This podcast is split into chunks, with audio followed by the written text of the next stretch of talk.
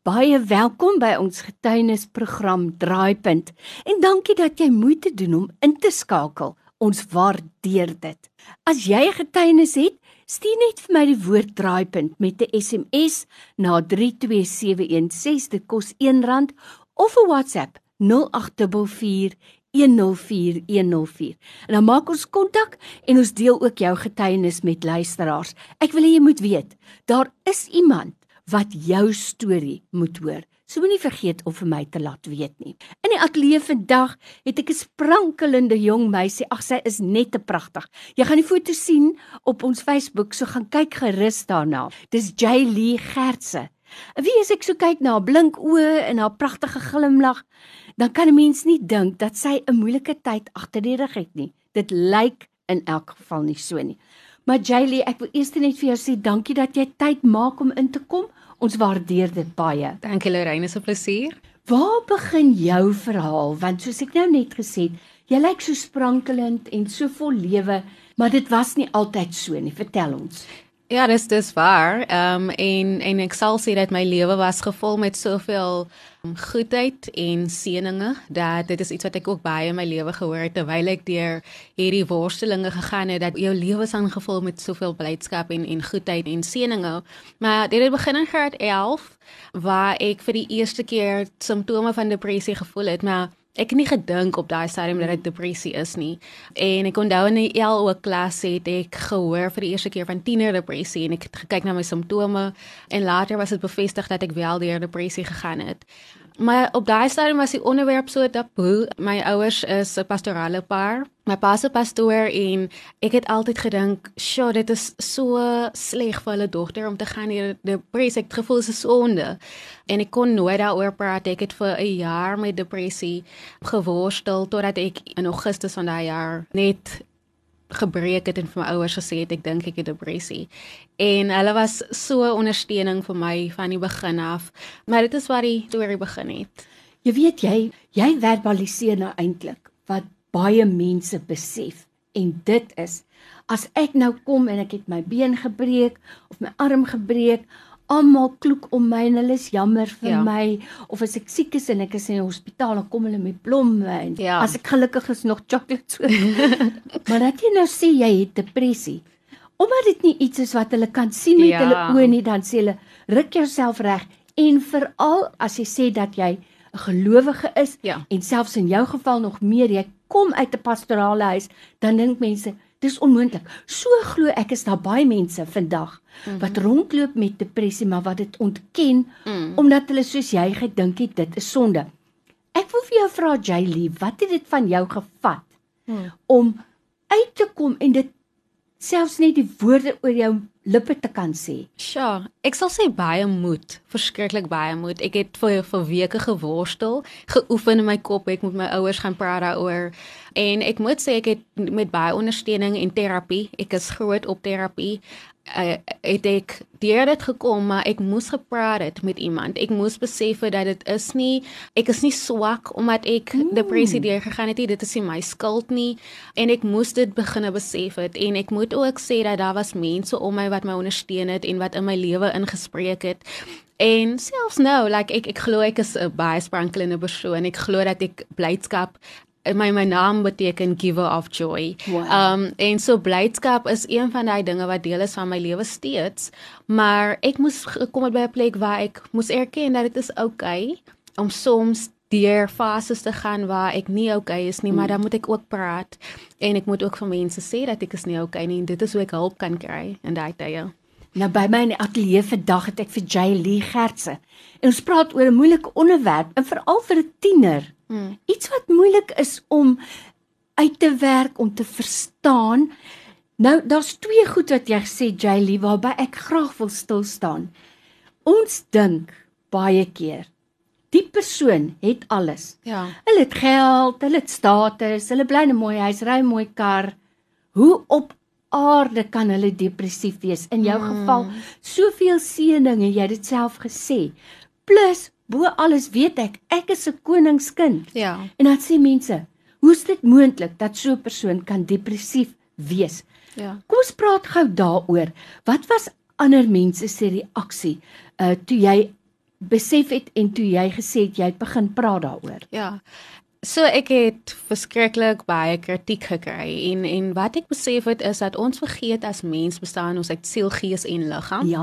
En soms lê die liggaamskade, dan gaan ons dokter toe. Ja. En soms lê die geeskade en dan gaan ons kerk toe, ons ons doen ons neem deel aan aanbidding en um maar as die sielskade lê dan weet ons nie wat om te doen nie. Ons is in 'n paniekbevange um staat. Maar ek het baie baie kritiek gekry steeds. Um ek is nou baie meer um gemaklik om te praat oor depressie en ek is baie meer gemaklik om te praat van welstand en om welstand te mm. bevorder mm. en maar steeds dink ek dat mense leer nog hoe om respek te hê vir ander mense wanneer hulle mm. praat oor hulle emosies. Um maar ek het woorde gekry soos ruk jou reg en bid net daaroor mm. en sê dan nie gelowig hier en dan wat se sonde het jy gedoen wat ons moet losbid.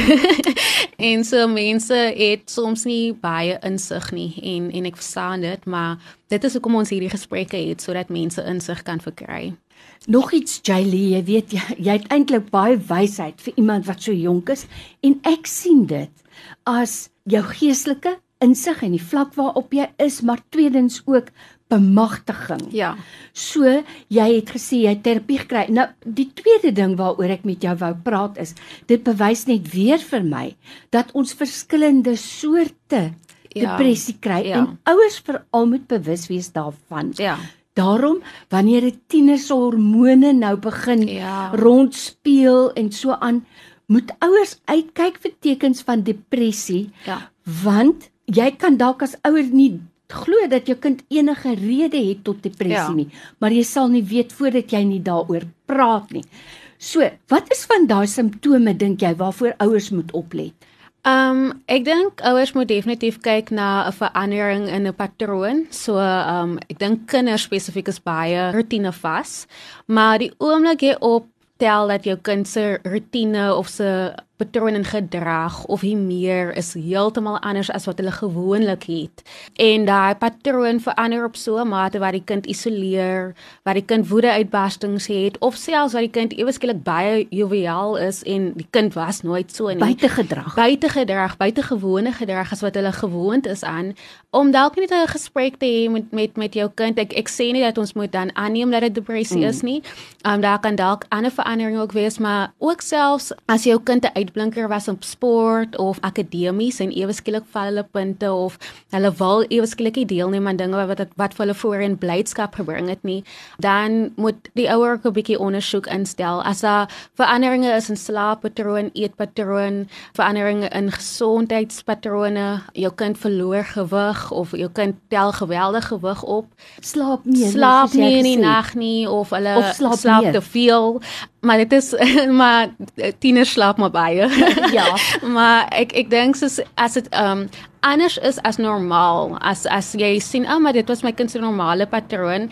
Maar ewe skielik is daar hierdie massiewe verandering in my ja. kind se normale patroon, dan moet mense 'n bietjie ondersoek instel. Nou my gas vandag is Jay Lee Gertse. Ons praat oor 'n moeilike onderwerp, maar ek dink dis noodsaaklik dat ons hieroor moet gesels. Nog iets wat jy gesê Jaylin wat wat vir my nogal baie uh, opgewonde maak is dat jy gesê het jy het baie gelees oor ja. en praat oor welstand. Ja. So wat is van daai dinge wat jy vir ouers wil sê? Weet jy en ek glo ons ouer mense kan ook leer by jou of vir tieners wil sê Ja. Wat kan hulle doen om beter te voel om aan hulle emosionele welstand te werk? So ek dink dit is uniek tot persoon, maar emosionele welstand, ek dink daar's 'n paar aspekte wat 'n mens kan na gaan kyk. 'n Mens kan gaan kyk na wat bring vir jou vreugde. Wat bring vir jou blydskap? Ehm um, wat bring vir jou vrede?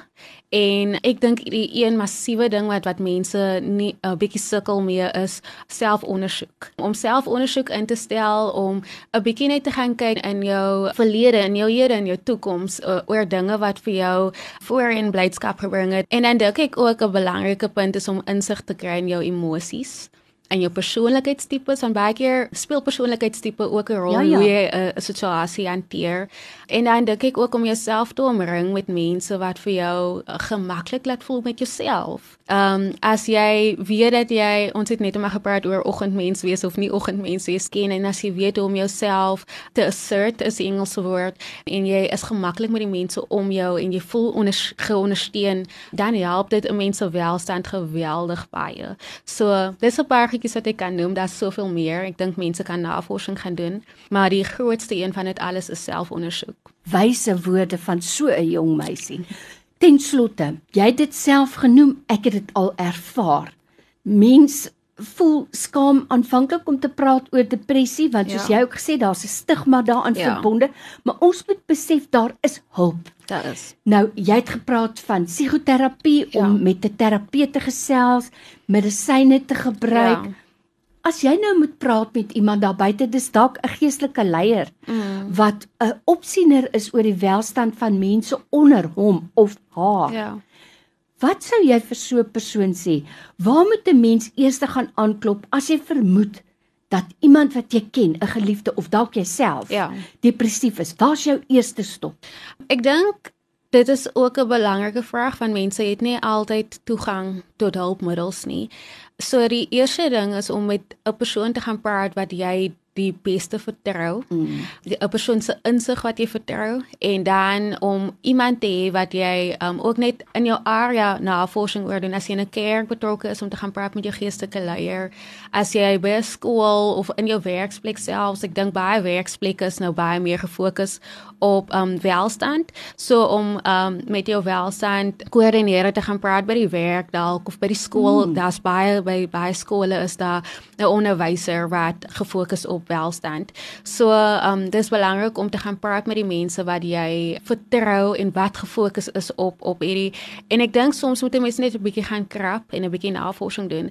As jy 'n welstand koördineerder is of 'n sielkundige of 'n 'n terapeut of iemand wat baie gefokus op op welstand, um maak jou dienste bekend aan mense en mm. praat meer daaroor, deel meer daaroor. Dit is iets wat ek baie gefokus is op in my werk um opset en ek dink dit is belangrik dat ons vir mense sê waar hulle hulp kan vind en um na wie hulle kan gaan. Dit is so waar wat jy sê want ons weet jou jou huisdokter is 'n persoon wat dadelik vir jou kan Ja. help en verwys as dit nodig is, maar jy het dit nou reg gesê. Ja. Daar's so baie mense wat nie toegang het Ja. daartoe nie en in die staatsinstellings weet ons tyd is maar 'n faktor. Mense het nie altyd tyd om te sit en luister na 'n storie nie.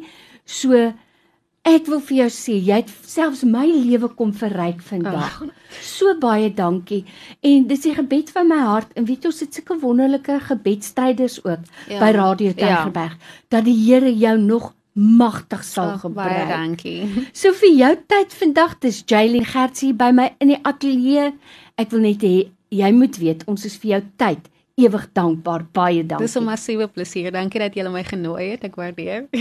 As daar nou dalk 'n onderwyser is wat luister of 'n sonnaarskoolonderwyser of ouers wat graag sal wil hê jy moet kom praat met tieners ja, of selfs by vrouegroepe, sou jy bereid wees om dit te doen? enige tyd. Dankie. en dan kan jy net vir ons kontakbesonderhede gee. Okay, so mense kan my kontak um, op e-pos jayleegertse@gmail.com, J A Y L E E G E R T S E @gmail.com of mense kan myself op sosiale media op um, Facebook inbox of op op Instagram. Hulle kan net my naam search in die search engine en dan sal hulle vir my vind daarso. So dis J Lee, J A Y L E E en dan van is Gertse G E R T S E. Vir jou tyd vandag, ons waardeer dit. Dankie. Baie dankie, mooi dag vir almal.